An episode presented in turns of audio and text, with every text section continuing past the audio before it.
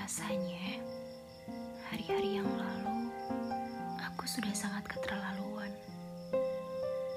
Menghiperbolakan situasi melebih-lebihkan tentang aku dan kamu sampai benar-benar terjatuh karena diri sendiri yang menjatuhkan. Tidak ada batu tidak ada jalan berlubang tidak ada juga yang tiba-tiba melintas mengagetkan. Memang begitu saja terjatuh sendiri. Aku yang terlarut, lalu lupa dunia, dan menganggap diri sudah sangat lelah. Dunia sudah tak berpihak.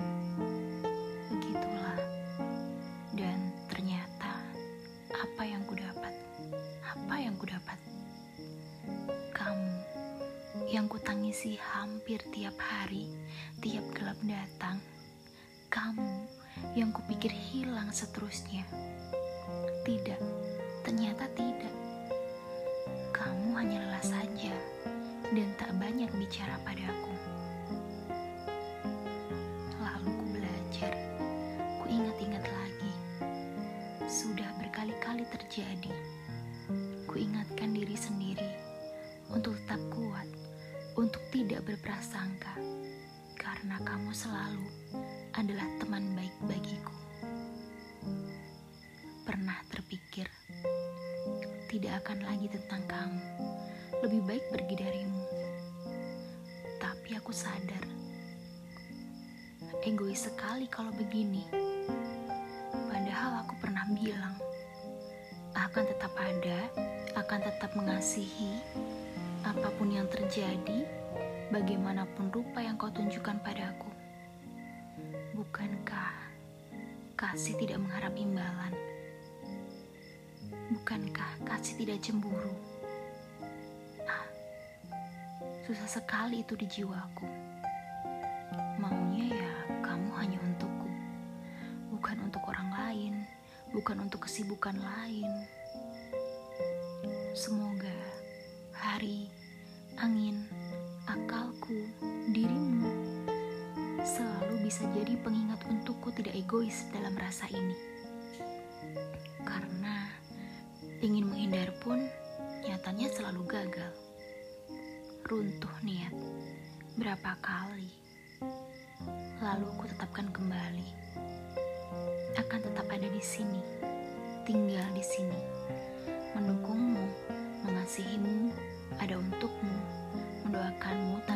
harus benar-benar kutunjukkan padamu. Kasih ini, setidaknya jika bukan kamu, akan kujadikan ini sebagian kilometer yang terisi cerita, supaya tidak terlalu sepi jalan ini. Jadi, aku akan peduli dengan caraku sendiri. Dan kau tak perlu khawatir. Aku tak akan terlalu mengganggumu. Jenuh juga ya. Seperti duniaku hanya tentang kamu. Kamu, kamu, kamu, dan kamu.